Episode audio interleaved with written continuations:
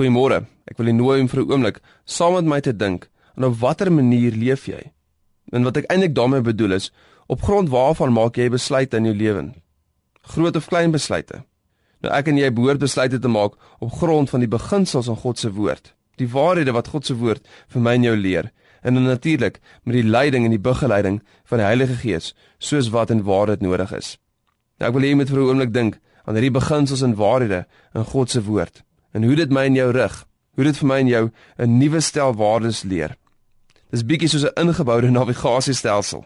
'n Navigasiestelsel dink nie oor waar dit moet gaan nie. Dit funksioneer soos dit ontwerp is om te funksioneer. God se woord leer vir my en jou waardes en beginsels aan wat in ons lewens pas soos 'n handskoen.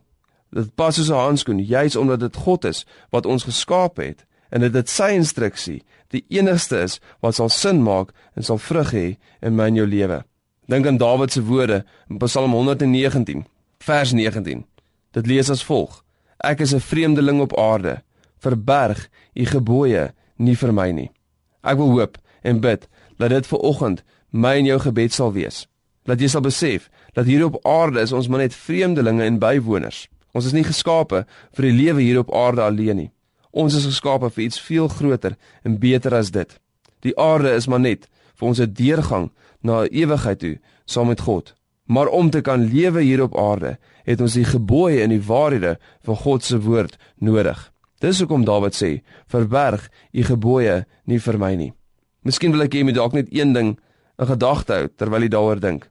En dit is dat God se gebooie, God se woord, die beginsels wat hy vir ons leer, is dikwels loodreg teen die kultuur van die dag. So moenie maar net verval in gewoontes en wat ander mense doen nie. Partykeer het 'n Christen nodig om stroom op te swem en in jou area van invloed 'n nuwe kultuur te skep. Dit lewe by 'n stel beginsels en waardes wat anders is as die wêreld.